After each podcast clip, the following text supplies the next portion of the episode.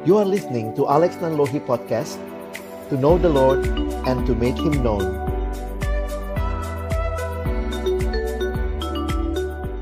Thank you, thank you for the warm welcome. Saya bersyukur kepada Tuhan buat kesempatan boleh Tuhan berikan malam hari ini. Thank you buat teman-teman yang kasih kesempatan ini. Setiap kali lihat ada anak-anak muda yang hatinya boleh diserahkan kepada Tuhan untuk terus menyembah Tuhan, memuji Tuhan, bahkan juga mau hidup menurut apa yang Tuhan perintahkan itu hati saya bergetar ya. Dan bersyukur kalau teman-teman malam hari ini juga boleh gabung. Saya pikir ini bukan rutinitas tapi biarlah ini menjadi satu kairos buat kita untuk sama-sama menikmati Tuhan ya saya siapkan satu presentasi dan saya juga harap nanti ada waktu untuk kita tanya jawab. Ini tema yang nggak mudah ya. Kenapa saya katakan gak mudah? Karena mungkin bagi sebagian dari kita dalam pergumulan untuk uh, acceptance ini Masalah forgiven and forgive jadi satu bagian yang tentu setiap orang lewati begitu ya. Jadi saya coba bagikan apa yang menjadi prinsip kebenaran firman Tuhan. Nanti kita coba sama-sama lihat Tapi saya harap ini bukan cuma jadi pengetahuan ya. Kalau ternyata dalam hidup kita masih ada hal-hal yang belum kita selesaikan dalam hal pengampunan ini, saya harap kita terbuka di hadapan Tuhan, biarkan kebenaran demi kebenaran boleh memerdekakan hati kita dan pemulihan itu boleh terjadi. Karena kita ada dalam satu situasi yang tentunya tidak tidak sempurna, kita ada di dalam dunia yang sudah jatuh dalam dosa sehingga ini bagian yang jadi uh, penting untuk sama-sama kita pikirkan.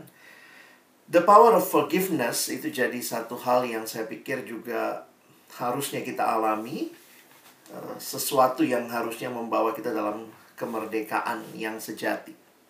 Saya mulai dengan rancangan Allah bagi kita ya melihat apa yang Tuhan rancangkan, maka kita tidak bisa menutup mata bahwa Alkitab bicara bahwa Allah menciptakan manusia dan manusia diciptakan dalam relasi yang indah satu sama lain. Nah, ini kebenaran yang jelas sekali waktu kita baca misalnya Kejadian pasal 2 ayat 18. Tuhan Allah berfirman, "Tidak baik kalau manusia itu seorang diri saja." Dibayangkan setelah semua yang dicipta Tuhan bilang baik, baik, baik, sungguh amat baik. Tiba-tiba ada kata tidak baik kalau manusia itu seorang diri saja. Itu pertama kali di dalam Alkitab kita ada kata tidak baik. Di dalam kejadian 2 ayat 18 dan itu dikaitkan dalam relasi. Jadi memang Tuhan sendiri punya rancangan, punya rencana bahwa manusia hidup dalam relasi manusia sebagai makhluk sosial itu bukan melulu hanya teori sosiologi, psikologi ya, tetapi itu adalah kebenaran yang Tuhan nyatakan. Jadi natur manusia, natur kita adalah makhluk yang berelasi. Sehingga kita melihat pertama kita diciptakan dalam relasi dengan Allah dan juga relasi dengan sesama.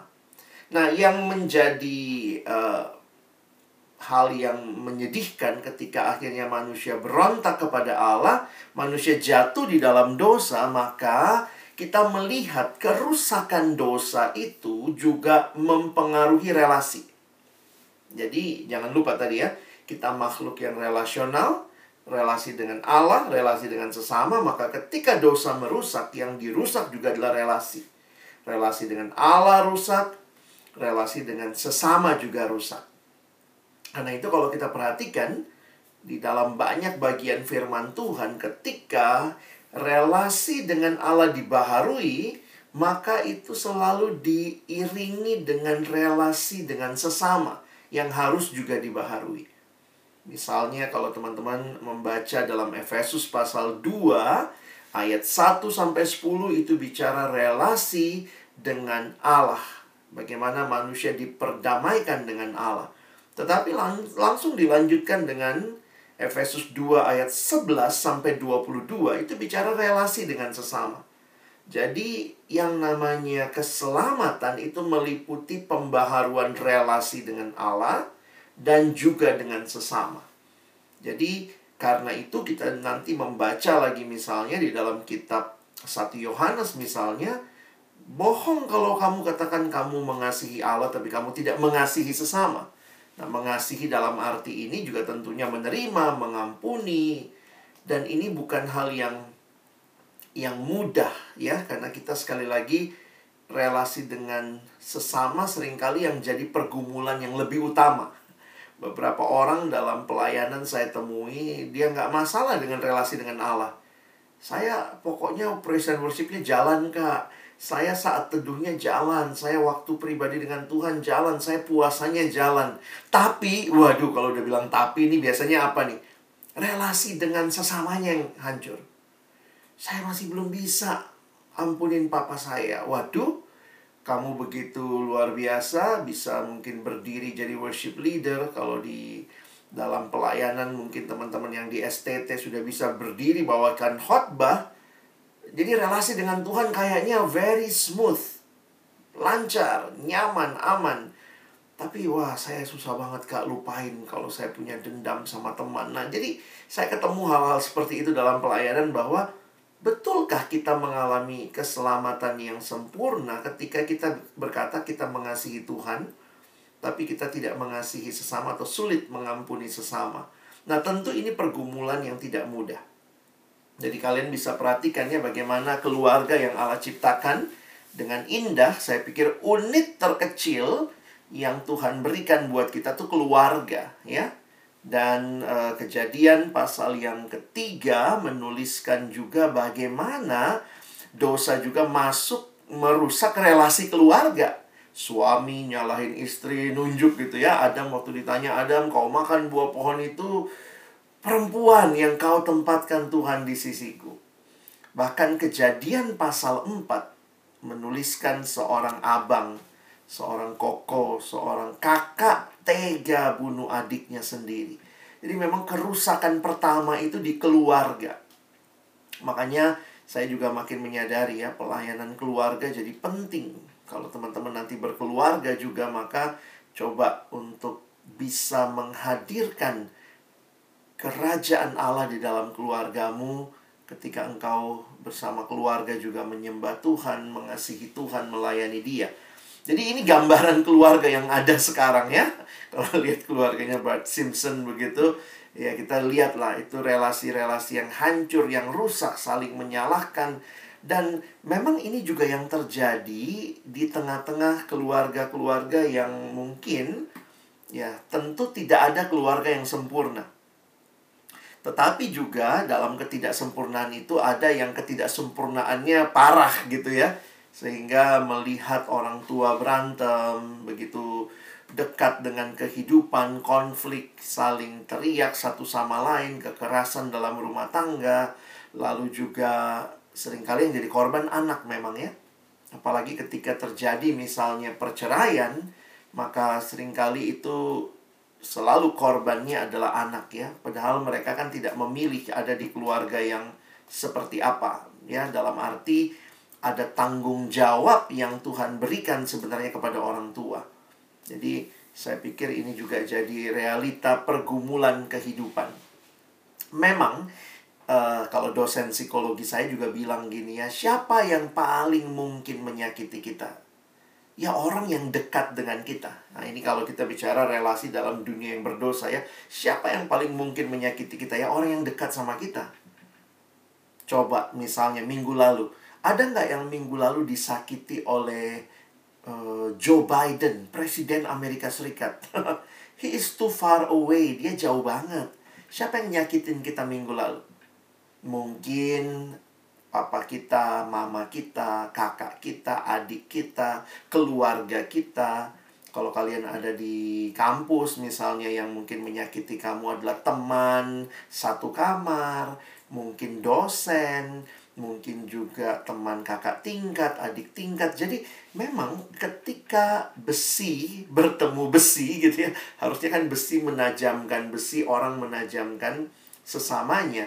Tetapi realitanya sering kali ya yang tajamnya malah bukan menajamkan sesama tapi saling menusuk begitu ya.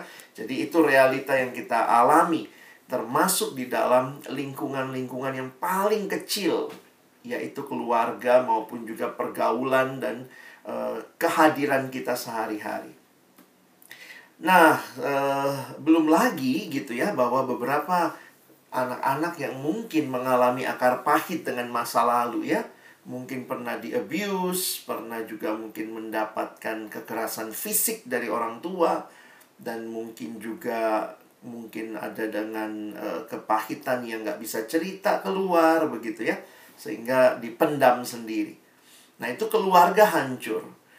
Teman-teman juga tadi uh, saya bilang juga ya masalah persahabatan juga ketika persahabatan yang juga kita sadari sudah jatuh dalam dosa, maka ketika bersahabat tidak menjadi sahabat tapi bisa jadi musuh, bisa jadi orang yang saling melukai, gosip begitu ya. Kalau yang perempuan mungkin seperti ini ya, kalau yang laki-laki lebih seru mungkin ya bully dan itu saya pikir dekat sekali dengan kehidupan keseharian kita. Mungkin nggak sampai berantem fisik tapi ya ya mungkin juga terjadi ya. Saya juga sadar gitu di STT banyak juga tuh yang berantem fisik gitu ya. Jangan pikir karena ada di sekolah teologi ya aman-aman aja. Kadang-kadang cara berbicara, cara meresponi orang lain tidak mudah jadi ini lingkungan-lingkungan terkecil kita yang mungkin terdampak ya dengan uh, berbagai kerusakan ini. Nah, bagaimana kemudian kita melihat ya, bagaimana firman Tuhan? Saya cuma kutip dua ayat ini saja. Ada banyak sekali ayat yang berbicara sebenarnya dari ajaran Tuhan Yesus, tapi saya mau coba angkat apa yang disimpulkan Paulus. Nanti kita akan lihat ya. Kita akan baca sama-sama Kolose pasal 3 ayat 12 dan 13. Karena itu, sebagai orang-orang pilihan Allah yang dikuduskan dan dikasihinya, kenakanlah belas kasihan, kemurahan, kerendahan hati, kelemah lembutan, dan kesabaran. Nah, ayat kuncinya 13. Sabarlah kamu seorang terhadap yang lain, dan ampunilah seorang akan yang lain apabila yang seorang menaruh dendam terhadap yang lain, sama seperti Tuhan telah mengampuni kamu, kamu perbuat jugalah demikian. Wah, gampang sekali bacanya ya, tapi menghidupinya nih sulit. Mungkin bukan cuma sulit, bahasa Inggrisnya sulit ya. Saking susahnya. Nah, realitanya adalah ini tema kita ya, forgiven and forgive. Sebagaimana Tuhan telah mengampuni kamu. Nah, mari kita lihat sebentar apa sebenarnya yang Paulus sampaikan. Paulus sedang berbicara tentang manusia yang baru. Ini yang jelas teman-teman bisa pahami bahwa di dalam Kristus kita punya identitas yang baru. Dan Paulus mencoba menggambarkannya dalam bahasa yang menarik sebenarnya. Paulus menggunakan bahasa seperti orang ganti baju, ya. Jadi ada hal-hal yang harus dikenakan, ya ada hal-hal yang harus dikenakan. Nanti sebenarnya kalau teman-teman lihat di bagian atasnya ada hal-hal yang harus ditanggalkan. Bahkan Paulus di Kolose menggunakan istilah matikanlah. Jadi itu jelas sekali menunjuk kepada uh, satu realita kehidupan yang harus uh, matikanlah begitu ya. Nah, kita lihat sebentar dalam identitas yang baru yang kita kenakan adalah orang-orang pilihan Allah yang dikuduskan dan dikasihinya. Nah, kalau sudah begitu, ya kita ini sudah harusnya mirip-mirip dengan Tuhan dong ya. Karena kita telah dikuduskan, telah dikasihi. Maka kehidupan manusia baru, apa yang dikenakan? Kenakanlah belas kasihan, kemurahan, kerendahan hati, kelemah lembutan, dan kesabaran di dalam bagian lain, Paulus menggambarkan semua istilah ini dengan istilah kasih. kasih itu sabar, kasih itu lemah lembut, kasih itu murah hati. Jadi, gambaran tentang kasih yang dilakukan, love in action. It's not only love in concept. Love is the verb. Kasih itu kata kerja, ya, bukan kata benda. Jadi kalau kita perhatikan yang mau digambarkan di sini adalah sesuatu kehidupan yang berubah karena kasih kita alami, maka itu pun yang mengalir keluar dari hidup kita. Nah, sebagai bentuk penerapan yang paling sederhana kalau kita lihat itulah ayat 13 mengenai pengampunan. Coba kita lihat ayat 13-nya ya. Saya garis bawahi kata ini, ampunilah Wah, teman-teman, ya kalau kita belajar tata bahasa, nanti yang anak STT bisa cek Yunaninya ya. Ini tuh kata kata perintah. Perintah ya kalau nggak dilakukan ya salah kita, dosa gitu ya. Ampunilah. Jadi ini bukan suggestion, ini bukan saran. Mbok ya ampuni. Enggak ya, ini perintah yang harus kita lakukan tentu sekali lagi tidak menghilangkan kesulitan, pergumulan sulit mengampuni itu setiap orang beda-beda. Ya, beberapa orang mungkin tidak terlalu masalah dengan pengampunan. Dia lebih bermasalah dengan penerimaan diri yang lain ya. Penerimaan diri mungkin berkaitan dengan self esteem ya, ada yang masalahnya di situ ya, suka merasa minder.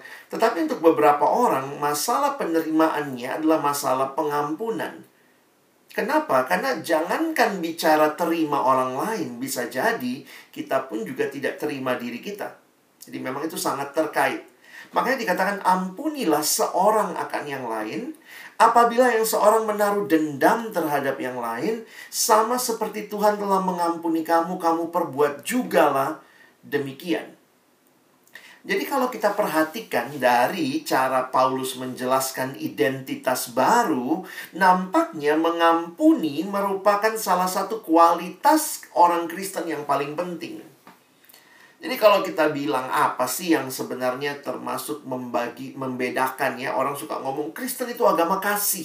Apa-apa kasih? Ya itulah yang kita lakukan. Kita belajar mengasihi nah salah satu wujud paling jelas dalam kasih itu adalah masalah mengampuni.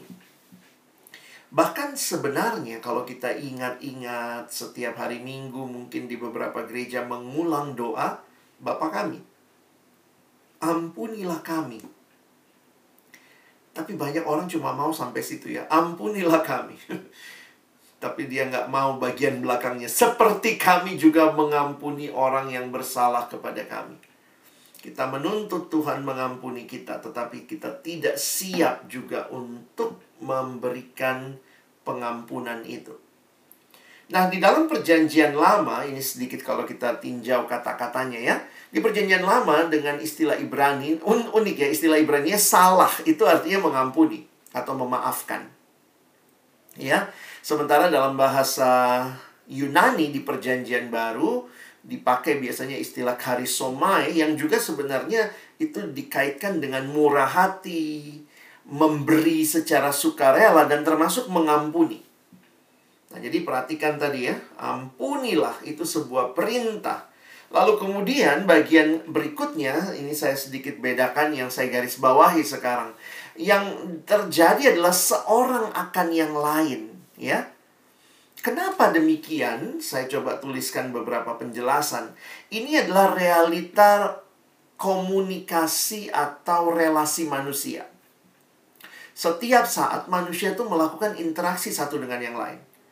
Dan hasil interaksi ini dapat positif, dapat pula negatif. Nah, hasil interaksi yang negatif dapat menimbulkan ya kita sadar salah paham, sakit hati, marah, perkelahian, dan mungkin bagi saya bukannya lebih baik berkelahi ya, bukan, tapi yang biasanya lebih parah itu kalau masuk sampai ke dendam.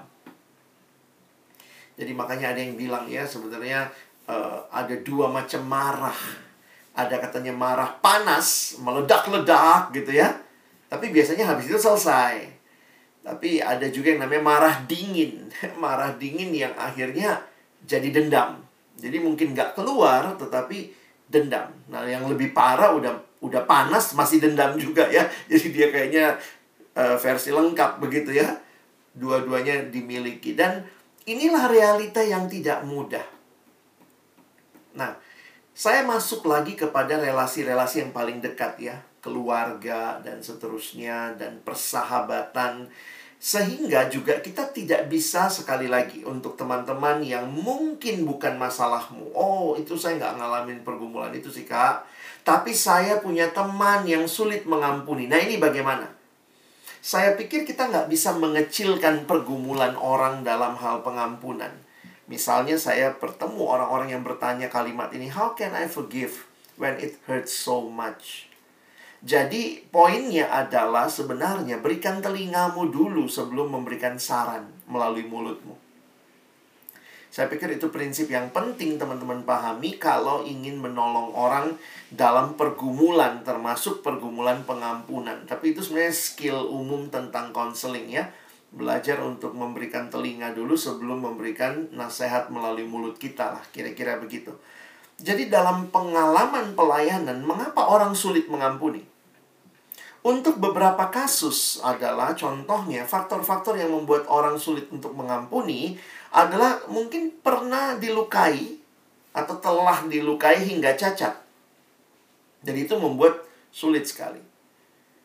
Ya, saya pernah bertemu dengan orang yang punya pergumulan, memang cacatnya sih bukan gimana banget gitu ya, tetapi eh, dia mengatakan bahwa ya ini karena orang tuanya yang memukul dia waktu kecil sampai misalnya uh, tangannya rada bengkok dan seterusnya. Nah itu tuh kadang-kadang tuh kalau nggak dibereskan dan memang nggak mudah ya kalau kayak kita ah udahlah dia pinjam duit lu nggak dibalikin ya udahlah ampunin gitu. Kadang-kadang it's very easy to say ampunilah. Tetapi bagaimana dengan mereka yang punya pergumulan pernah dilukai hingga cacat. Nah, ini kita mesti melayani mereka, mendengar keluh kesah mereka, menolong mereka berdamai dengan situasi itu.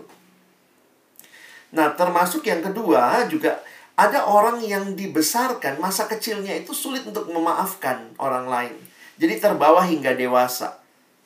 Nah, ini juga sebenarnya berkaitan dengan pola asuh. Dia nggak pernah lihat di rumahnya orang minta maaf. Papa marah, mama marah, maki-maki, lempar-lemparan. Nggak ada yang minta maaf. Nanti tahu-tahu baikan. Baikannya ya kayak begini. Ya yang kemarin terjadi dikubur. Tidak dibicarakan, tidak diselesaikan seolah-olah nggak pernah terjadi. Nah untuk orang-orang seperti ini juga secara kejiwaannya. Jadi walaupun dia sudah Kristen, sudah dengar firman Tuhan, dia tetap bingung gitu. Ya udah kalau kayak bokap nyokap gue juga nanti selesai juga tapi selesainya itu sebenarnya kayak bom waktu ya karena nggak pernah dibicarakan, tidak pernah ada saling mengampuni, saling menerima, saling membangun diri yang ada adalah pura-pura uh, apa pengabaian, pembiaran.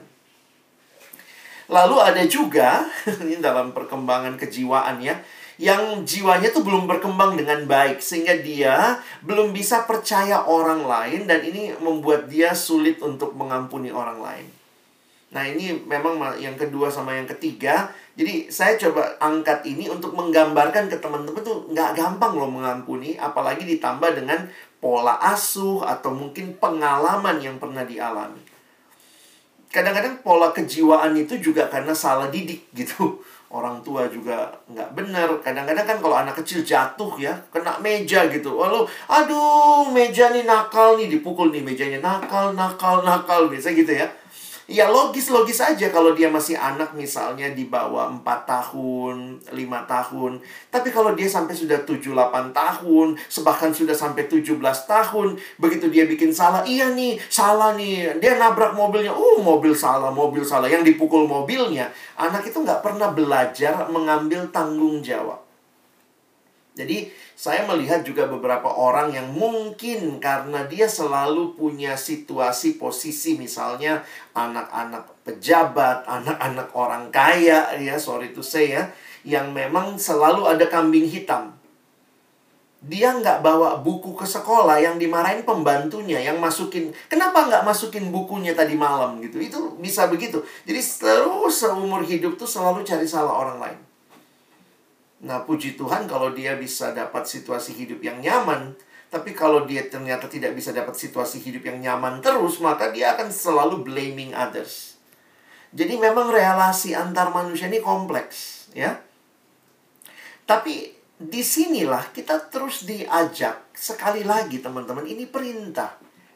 Jadi sebenarnya kalau perintah berarti apa pun kondisi kita ya selesaikan baik-baik untuk bisa mengampuni. Karena itu perintah Tuhan dan perintah yang akan terjadi selama kita masih berinteraksi satu sama lain. Jadi sebenarnya nggak ada dari kita yang sudah lulus dalam kelas pengampunan ini. Oke, hari ini saya bisa ngampunin. Besok ketemu teman kerja, dia bikin salah lagi. Jadi nggak ada yang namanya sudah wisuda untuk pengampunan. Nggak ada. Dan menarik sekali, Paulus mengkaitkan dasarnya. Jadi Please forgive one another. Tetapi dasarnya adalah forgiveness yang diberikan oleh Allah. Perhatikan kalimatnya. Kenapa kita diminta sama Tuhan untuk mengampuni satu sama lain? Karena sebenarnya ada hal yang telah Tuhan lakukan bagi kita. Nah, ini menarik nih. Sama seperti Tuhan telah mengampuni kamu, kamu perbuat jugalah demikian. Jadi sebenarnya dasar yang paling jelas bagi orang percaya untuk meminta atau untuk melakukan pengampunan satu sama lain adalah karena kita forgiven. Tuhan telah mengampuni kita. Atau saya balik. Kalau begitu, kalau saya sulit mengampuni, jangan-jangan saya belum sungguh-sungguh mengalami pengampunan Tuhan. Jadi bisa jadi begitu. Kita belum sungguh-sungguh mengalami, menghayati pengampunan Tuhan. Atau ya, di sisi lain kita cuman egois.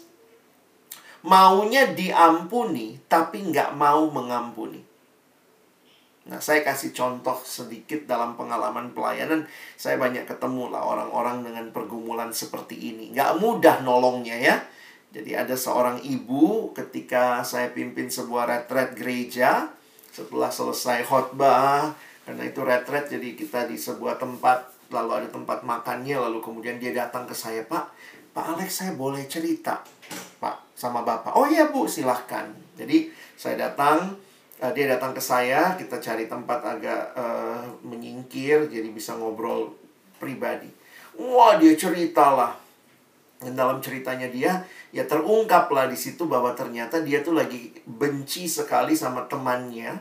Sebenarnya mereka temenan, lalu kemudian mereka kongsi dagang untuk buka usaha ya. Mereka join buka usaha, tapi entah bagaimana, pokoknya singkat cerita temannya ini dia anggap menipu dia. Nah, saya kan cuma dengar dari sisi dia. Ya dia bilang, "Waduh, Pak, saya itu, Pak." Jadi waktu waktu dia sharing sebenarnya menarik juga ya Waktu dia sharing ke saya, tiba-tiba dia bilang, begini Pak, saya itu orang baik. Wih, kaget saya ya. Dalam hati saya, kalau orang baik ngapain sharing gitu ya. Sudahlah, pulanglah dengan damai sejahtera. Tapi dia sedang menampilkan, saya itu orang baik Pak. Lalu kemudian, dan e, ibu ini penampilannya sangat Kristen ya. Salib gitu ya. Pokoknya ya orang Kristen pada umumnya lah ya. Ikut retret gereja. Tapi kemudian dia bilang, saya itu orangnya baik Pak. Kalau ada orang baik sama saya, Pak, oh saya bisa lebih baik sama dia. Tapi kalau ada orang jahat sama saya, Pak, waduh, saya susah, Pak. Terus saya bilang, apa pergumulannya? Lalu dia cerita itu ya, teman saya nipu dagang gitu ya. Dan kemudian dia bilang, saya gitunya, saya gitu Pak orangnya Pak. Saya kalau percaya sama orang Pak, wah saya percaya banget. Tapi sekali saya dikhianati Pak, au, panjang tuh unya. Sekali saya dikhianati, Pak. Nggak bisa saya, Pak. Nggak bisa. Jadi kemudian dia cerita seperti itu ya. Jadi lucu juga ya. Itu kadang-kadang banyak jadi konsep kita ya. Konsep orang-orang yang namanya Kristen tapi juga ikut konsep itu. Makanya waktu dia begitu saya pikir ini kok kayak keluar tanduknya si tante ya. Saya tuh orang baik, Pak. Kalau orang baik sama saya, saya bisa lebih baik sama dia. Tapi kalau orang jahat sama saya, Pak, oh saya juga bisa lebih jahat sama dia. Hah? Itu Kristen ya?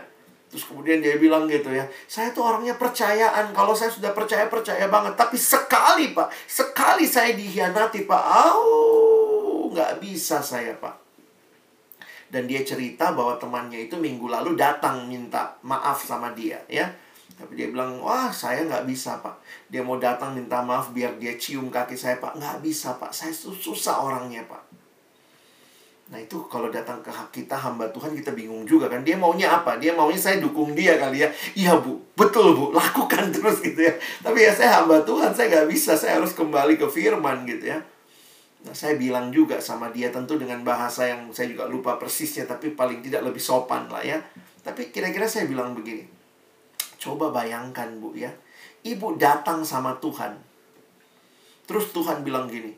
Saya orangnya percayaan tuh. Tapi sekali kamu tidak lakukan yang saya mau, sekali kamu me menyakiti saya, au, Tuhan panjang banget punya kali ya. Nggak bisa saya. Saya bilang iya ya, kalau aja Tuhan begitu sama kita, habis kita. Selesai kita. Jadi di sinilah saya ingatkan ya kepada ibu itu. Ketika engkau masih minta diampuni, sebenarnya itu jadi satu bagian hidupmu untuk tetap mengampuni. Karena nggak bisa kita cuma minta Tuhan ampuni saya, saya nggak mau mengampuni sesama.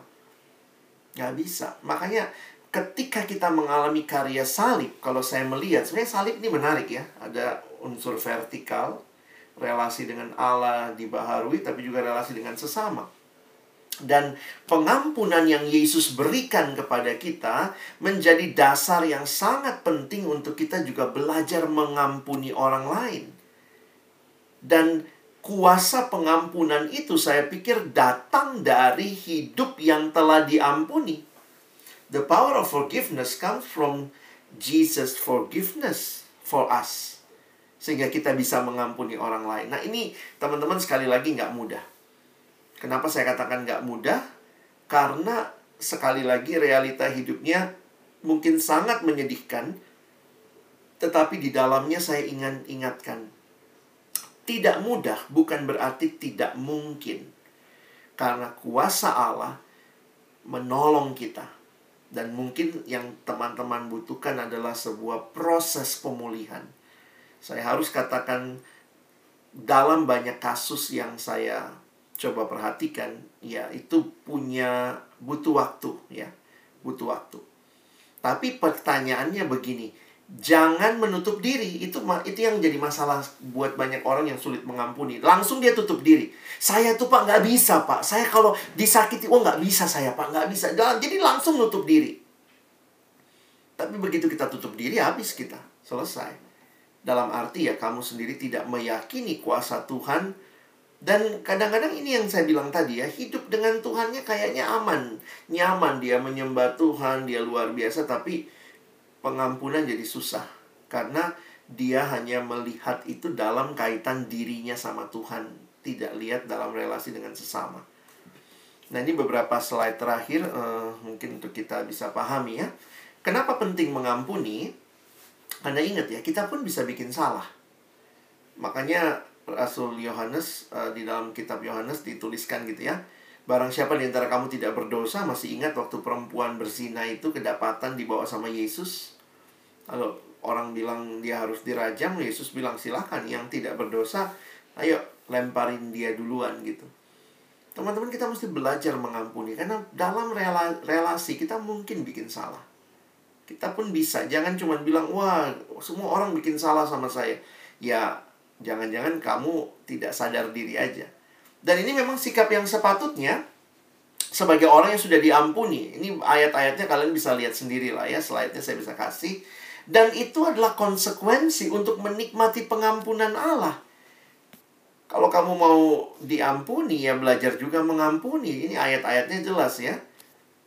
Ada perumpamaan juga Yesus kasih gitu ya. Kalau kamu sebelum datang sama Tuhan ampuni dulu saudaramu. Karena kalau kamu datang dan hanya minta diampuni, yang saya kaget itu bahwa Tuhan pun gak, gak, gak akan ampuni kita. Saya kaget waktu baca itu. Jadi kalau saya datang minta pengampunan, sementara saya tidak mengampuni orang lain, Tuhan nggak ngampunin loh. Bukan berarti Tuhan tidak selamatkan. Saya harus membedakan itu dalam pengertian keselamatan itu tetap. tetapi menghidupi keselamatan, kita tuh akan hidup di dalam keegoisan, dalam kerohanian yang yang kosong karena kita sendiri tidak mempraktekkan apa yang kita minta dari Tuhan. Itu mirip kayak gini ya. Ini uh, orang yang suka doa gitu, Tuhan kasih saya kesehatan, tapi rokoknya jalan terus. Itu gimana caranya? Mau minta Tuhan, jadi kadang-kadang kita berharap Tuhan melakukan sesuatu melampaui pilihan-pilihan salah yang kita buat. Padahal kita udah jelas-jelas memilih yang salah. Itu jangan mempermainkan Tuhan dong. Minta doanya, minta kekudusan, tapi pornografi di-download terus. Jadi kadang-kadang saya pikir kita nggak serius nih. Banyak hal kita minta sama Tuhan. Dan mungkin Tuhan bisa ya kalau Tuhan bukakan sama kita, kamu nggak serius mintanya. Kamu sendiri nggak hidupin gitu ya. Oke. Jadi pentingnya mengampuni, saya lanjut lagi, ini diperlukan dalam hidup persekutuan. Karena kita tidak hidup sendiri, kita butuh satu sama lain. Dan ini juga penting bagi hidup sosial dalam arti masyarakat secara umum. Dan, nah ini yang terakhir mungkin yang menarik ya. Ini juga baik untuk kesehatan jiwa dan badan teman-teman ya. Kenapa? Karena memang bayangkan ya, ketika kita sulit mengampuni, wah dendam yang muncul. Itu bisa bikin kita nggak bisa tidur loh orang yang kita dendamin itu tidur nyenyak, kita nggak tidur. Kan bodoh, bodoh banget ya. Jadi nggak sehat jiwanya, badannya. Begitu lihat orang langsung kemudian bayangannya mau mukul, mau apa. Jadi nggak nggak sehat untuk kesehatan jiwa maupun badan kita. Jadi saya simpulkan begini, forgiveness ya, pengampunan itu bisa mentransformasi pertama relasi dengan Tuhan, relasi dengan sesama dan bahkan relasi dengan diri sendiri. Ya. Nah, jadi bagaimana bisa mengampuni? Mungkin bagian yang perlu kita lihat ya. Nah, melihat hidup dalam perspektif Allah. Masih ingat kisah Yusuf? Saya kalau jadi Yusuf itu ya pasti dendam banget sama abang-abangnya ya. Tapi waktu dia lihat hidup dalam perspektif Allah, dia bisa lihat bahwa ini jadi cara Allah membawa dia ke Mesir di puncak kedudukan itu. Jadi makanya kalau saya lihat begini ya, jangan lihat hidup itu hanya satu dua masa. Coba belajar lihat keseluruhan dan lihat dari perspektif Allah. Memang kadang Tuhan belum bukakan. Jangan lupa loh, Yusuf itu baru bisa ngomong rencana Tuhan di akhir hidupnya. Waktu dia sudah mau mati, dia bilang, kamu mereka-rekakan yang jahat, tapi Allah merancangkan untuk kebaikan. Jadi saya sadar betul, pasti Yusuf juga bergumul. Kadang-kadang karena kita nggak baca ceritanya, kita nggak diceritakan detail ya. Kita pikir Yusuf nggak bergumul. Misalnya waktu dia dibuang sama saudaranya di sumur. Apakah Yusuf ngomong, buang aja, ah ini rencana Tuhan, ayo buang, asik, buang gitu. Digoda tante Potifar, ayo tante goda, goda, ini rencana Tuhan. Saya pikir Yusuf melaluinya dengan pergumulan, tetapi dia tidak melihat hidupnya hanya sekadar dari perspektifnya dia. Termasuk dia bisa mengampuni saudaranya, tentu mengampuni Potifar dan istrinya begitu ya. Nah, lalu relasi dan kasih lebih penting dari rasa ego, masih ingat anak yang hilang? Miliki kemurahan hati Bapa, miliki kesadaran akan kasih Kristus. Nah, kalau kita ingat di salib itu, kita baru selesai Jumat Agung Paskah, Yesus sendiri berkata, "Ampunilah mereka." Jadi kita bilang jangan ngomong saya anak Tuhan, saya mirip Yesus, tapi mirip nggak dalam pengampunan?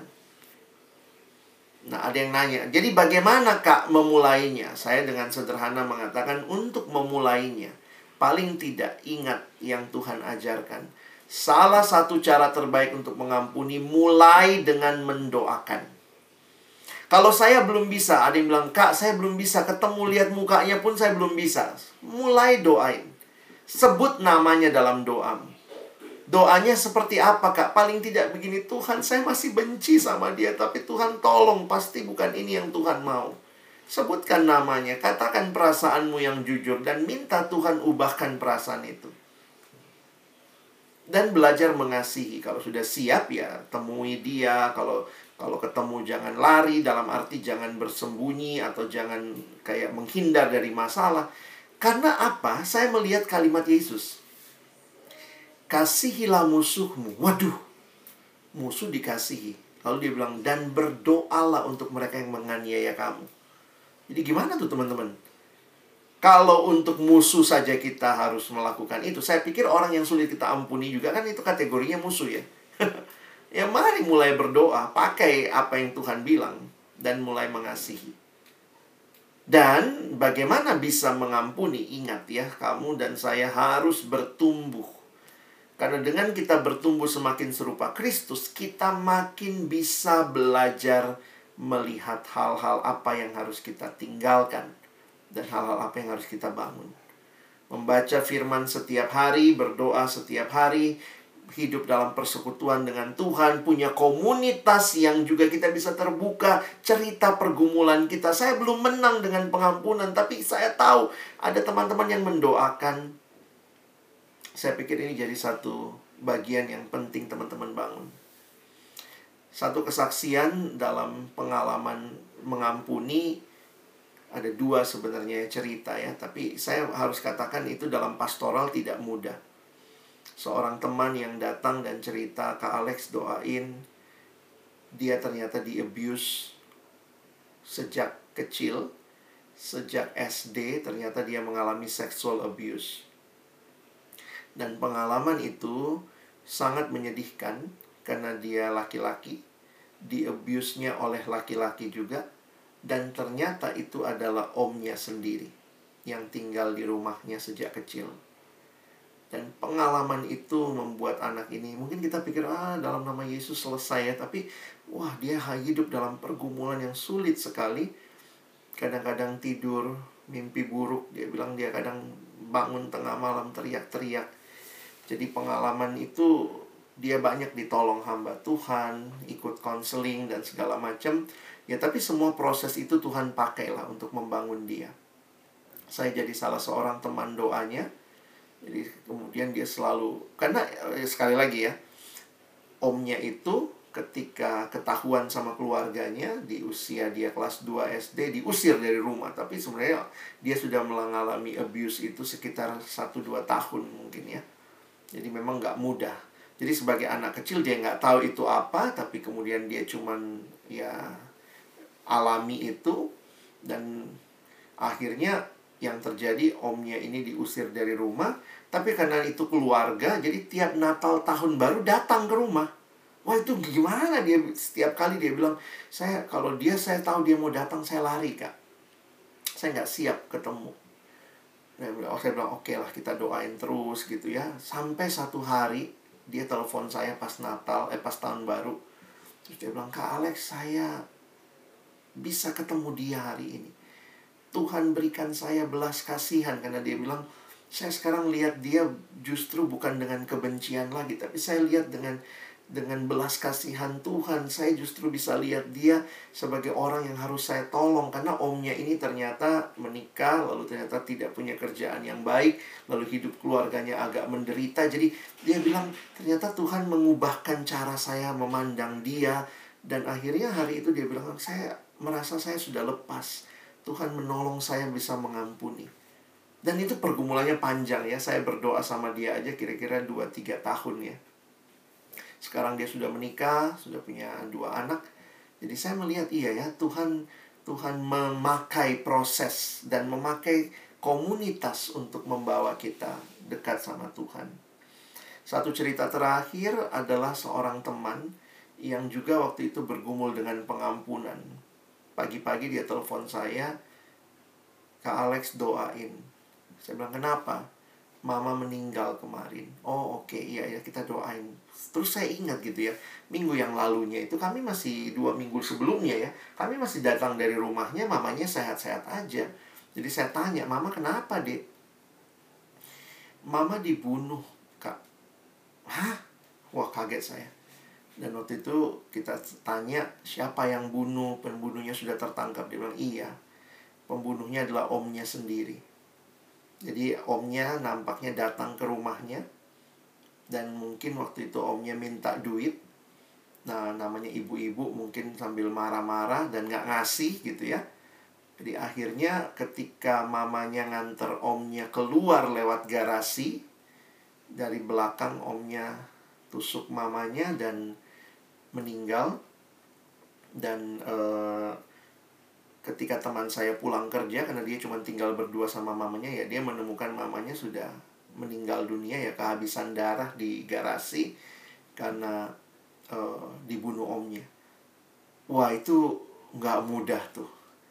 Pergumulan nah karena akhirnya omnya diproses oleh kepolisian tetapi kan namanya sekali lagi ini namanya keluarga. Jadi di masa-masa berikutnya tiap kali ada acara atau apa tuh mungkin dipenuhi rasa bersalah istri omnya ini datang dengan anaknya jadi dia bilang kak bayangin ya setiap kali saya lihat anaknya om saya mukanya mirip sekali sama bapaknya tambah benci saya itu gak, gak mudah teman-teman dan proses itu dia lalui dan uh, dia bilang ya saya masih belajar untuk menerima ya realita pergumulan ini dan termasuk belajar mengampuni omnya. Nah, saya tahu bahwa itu tidak mudah. Saya juga tidak ada kontak lagi dengan dia sekarang. Saya tidak tahu persis kondisinya. Tapi masa-masa itu dia sudah mulai bisa belajar terbuka dan menerima dan bisa uh, mungkin belum bisa dibilang berdamai. Nah, saya hanya ingin ingatkan dalam dua cerita ini bahwa teman-teman pengampunan itu ilahi. Saya makin sadar kalau kita sanggup mengampuni, itu pasti karena kuasa Tuhan yang bekerja. Dan tidak mudah untuk beberapa orang harus lewati proses yang mungkin cukup sulit, harus ditolong mungkin untuk beberapa yang butuh konselor. Tetapi di sinilah kita melihat semua yang teman-teman dan saya butuhkan sebenarnya Tuhan sudah berikan. Yaitu apa? Pengampunan dari dia atas semua hal yang juga sudah menyakiti hati dia. Dan dengan pengampunan itu Tuhan mau kita pun belajar saling mengampuni. Jadi saya harap ini bisa jadi materi yang menolong dan silakan kalau ada yang mungkin mau didiskusikan. Silakan.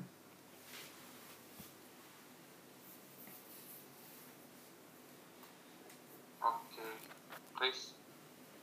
Diam, Chris? sorry sorry halo eh, ya thank you Pastor Alex buat uh, panggilnya apa sih Pastor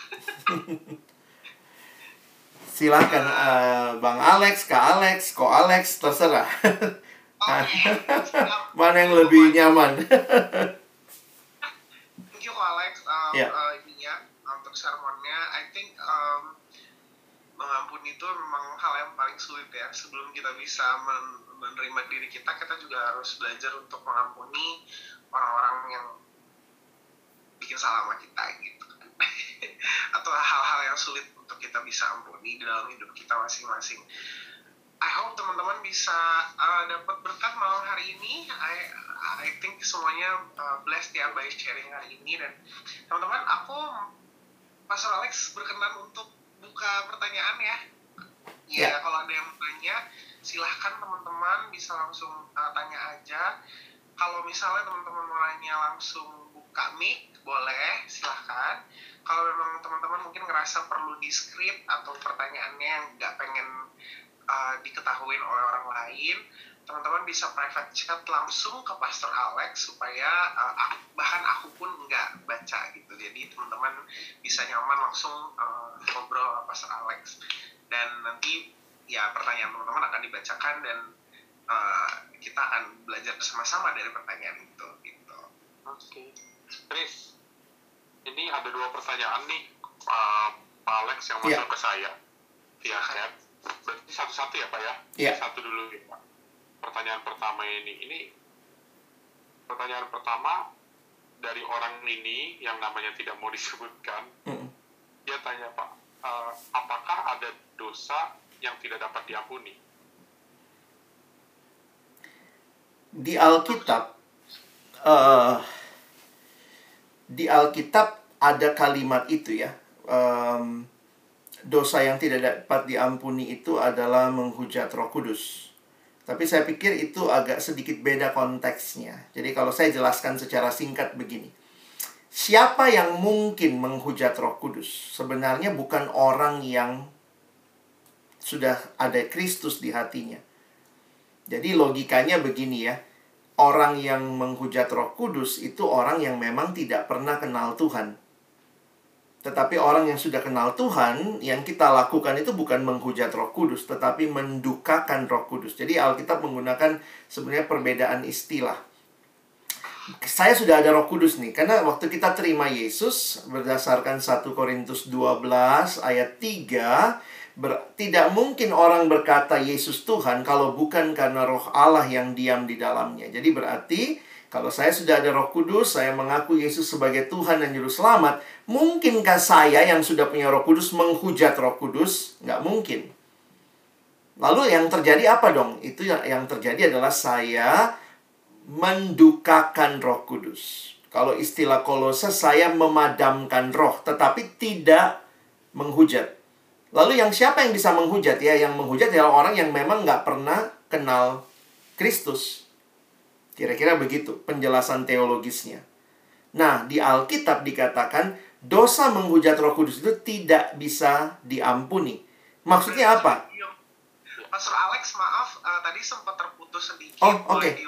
diulang terakhir kita dengar uh, kalau orang hmm. ada dalam hatinya hmm. udah ada Roh Kudus, kenapa dia menghujat Roh Kudus? Oh, oke. Okay. Sorry sebentar, kalau saya ada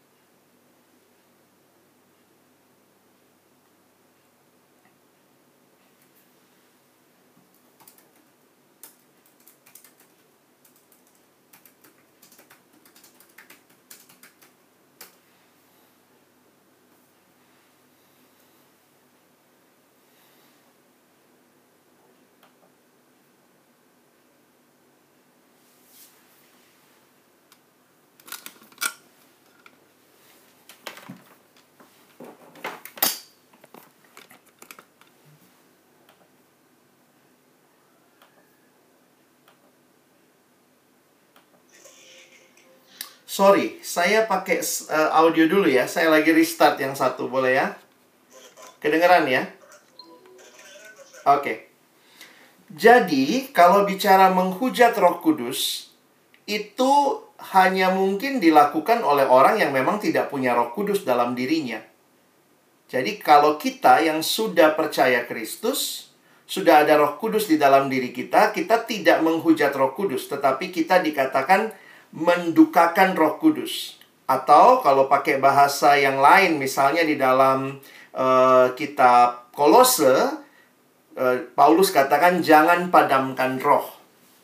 Jadi itu perbedaan teologis ya.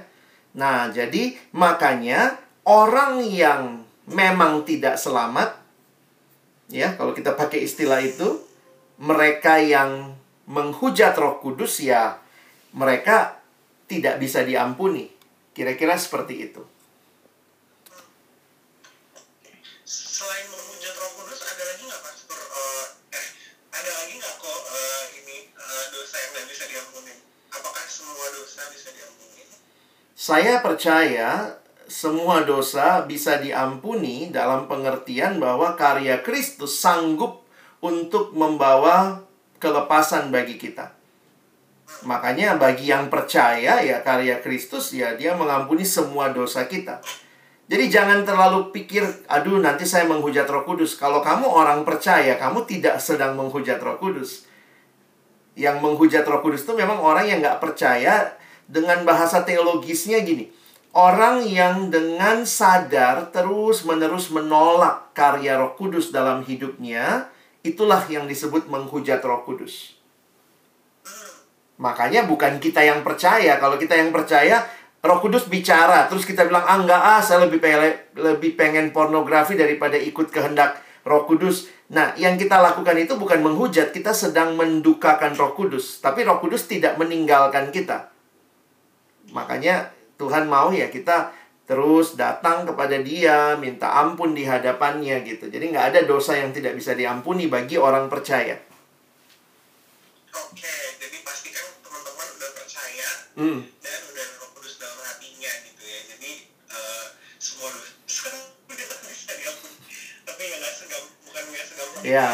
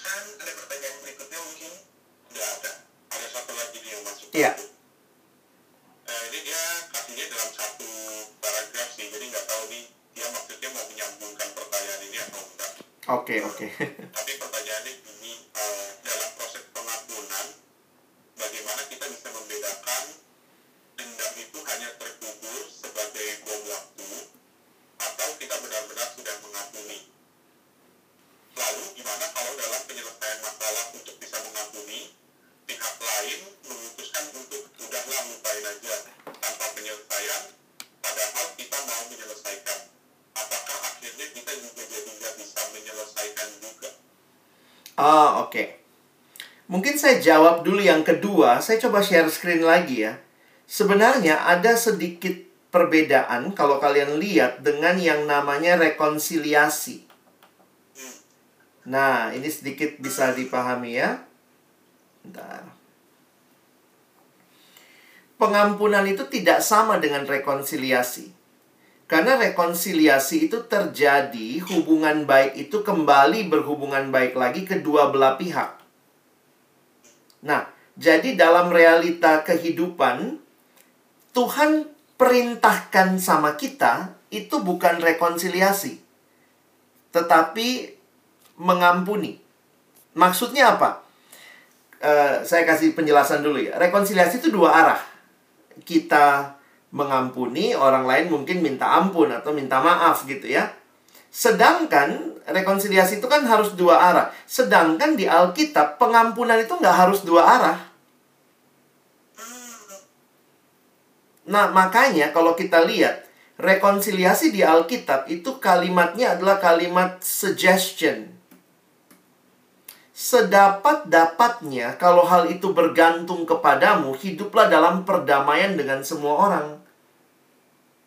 Tetapi buat kita yang disakiti, kita yang mungkin dirugikan, bagian kita mengampuni. Soal orang itu sadar dia dia nyakitin kita atau tidak, itu bukan urusan kita.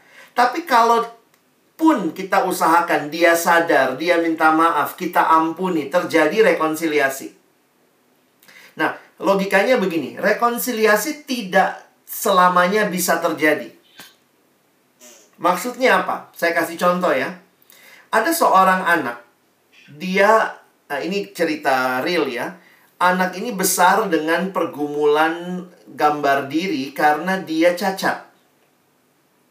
Nah, ternyata di, di usia remaja, jadi dia perempuan cacat, tangannya nggak sempurna, dan kakinya nggak sempurna. Jadi agak timpang, tangannya jarinya nggak lengkap. Ternyata waktu dia tahu di masa remaja, jadi dia udah minder. Eh pas di masa remaja dia tahu bahwa ternyata ini gara-gara tantenya. Tantenya waktu marah tiba-tiba ngomong, dasar kamu memang ya kamu anak bawa sial itulah. Makanya dulu mamamu pengen gugurin kamu. Jeng jeng dia tahu ternyata mamanya itu mau menggugurkan kandungan karena itu minum obat-obat Eh, nggak gugur, dia lahir tapi cacat. Jadi bayangkan sudah minder karena kecatatannya, ternyata dia tahu lagi di usia remaja seperti itu dan dia jadi sadar bahwa ternyata mamanya cuma hidup sama dia. Jadi mamanya ini ditinggal oleh suaminya, papanya dia. Jadi akhirnya mamanya besarkan dia sendiri. Nah, dia itu benci sekali sama mamanya sejak itu. Sulit sekali dia ngampunin mamanya. Mamanya selalu minta maaf ya cerita lah bagaimana mamanya berjuang segala macam tapi anak ini namanya anak remaja dikuasai oleh kebencian. Singkat cerita dalam kebencian itu ternyata mamanya meninggal. Nah, jadi waktu mamanya meninggal, tidak lama setelah mamanya meninggal, anak ini kenal Tuhan Yesus. Dan ketika dia dilayani, salah satu yang dia ditolong adalah ampunilah mamamu. Yang mungkin kamu rasa bikin salah sama kamu. Nah, jadi dia taati perintah itu, dia ampuni mamanya. Tapi mamanya sudah meninggal dan tidak mungkin terjadi rekonsiliasi. Jadi pengampunan itu bagian kita. Rekonsiliasi itu kadang Tuhan izinkan, kadang tidak. Tapi ingat bagian kita. Bagian kita adalah mengampuni. Makanya mengampuni itu satu arah. Rekonsiliasi dua arah. Nah, rekonsiliasi di Alkitab itu diusahakan sedapat-dapatnya, tapi bukan perintah. Kira-kira begitulah penjelasan teologisnya.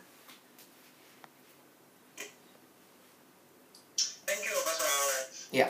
Ada lagi Kornel uh, dari yang nanya ke aku cuma dua itu aja. Hmm.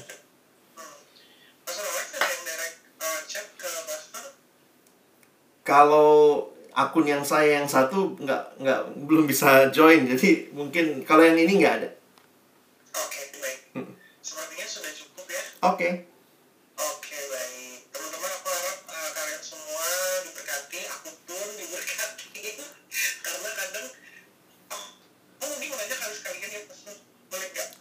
Iya, silakan.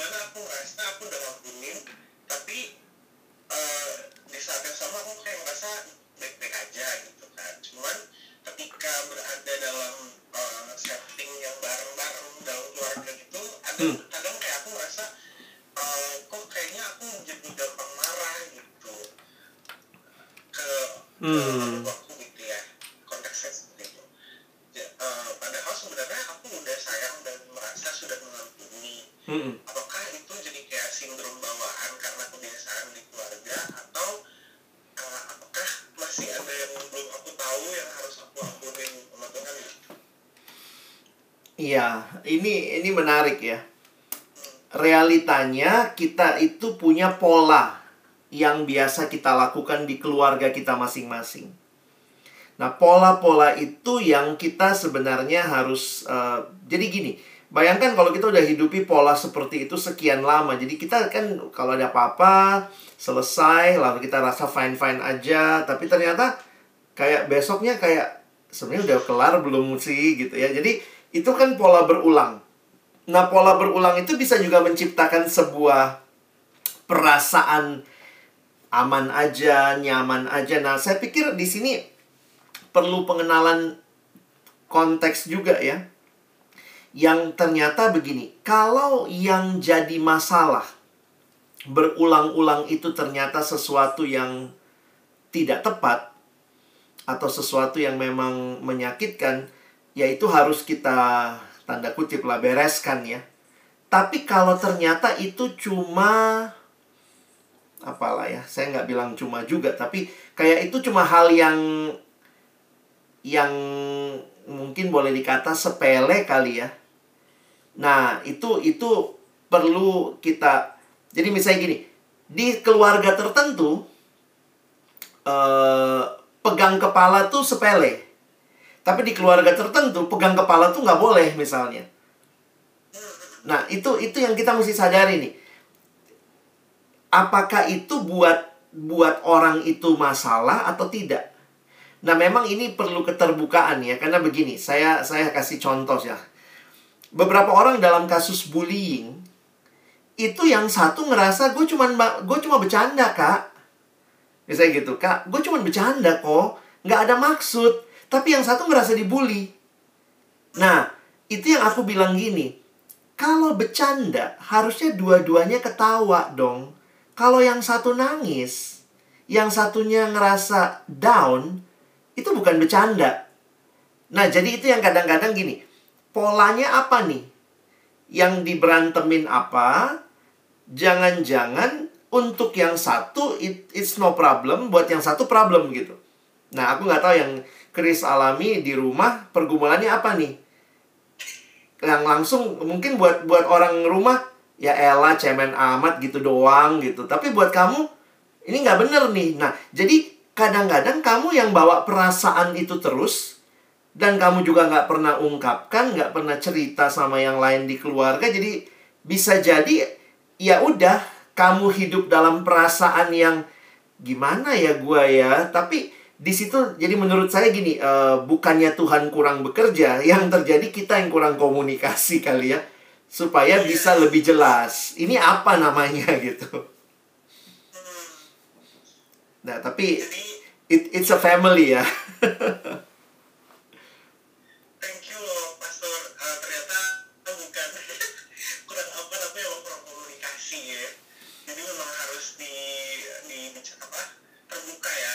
Iya. ya kalau misalnya bercanda ya dua-duanya harus ketawa. Kalau misalnya salah satu ada yang nangis yang nganggap bercanda harus minta maaf. Gitu kan iya harusnya begitu.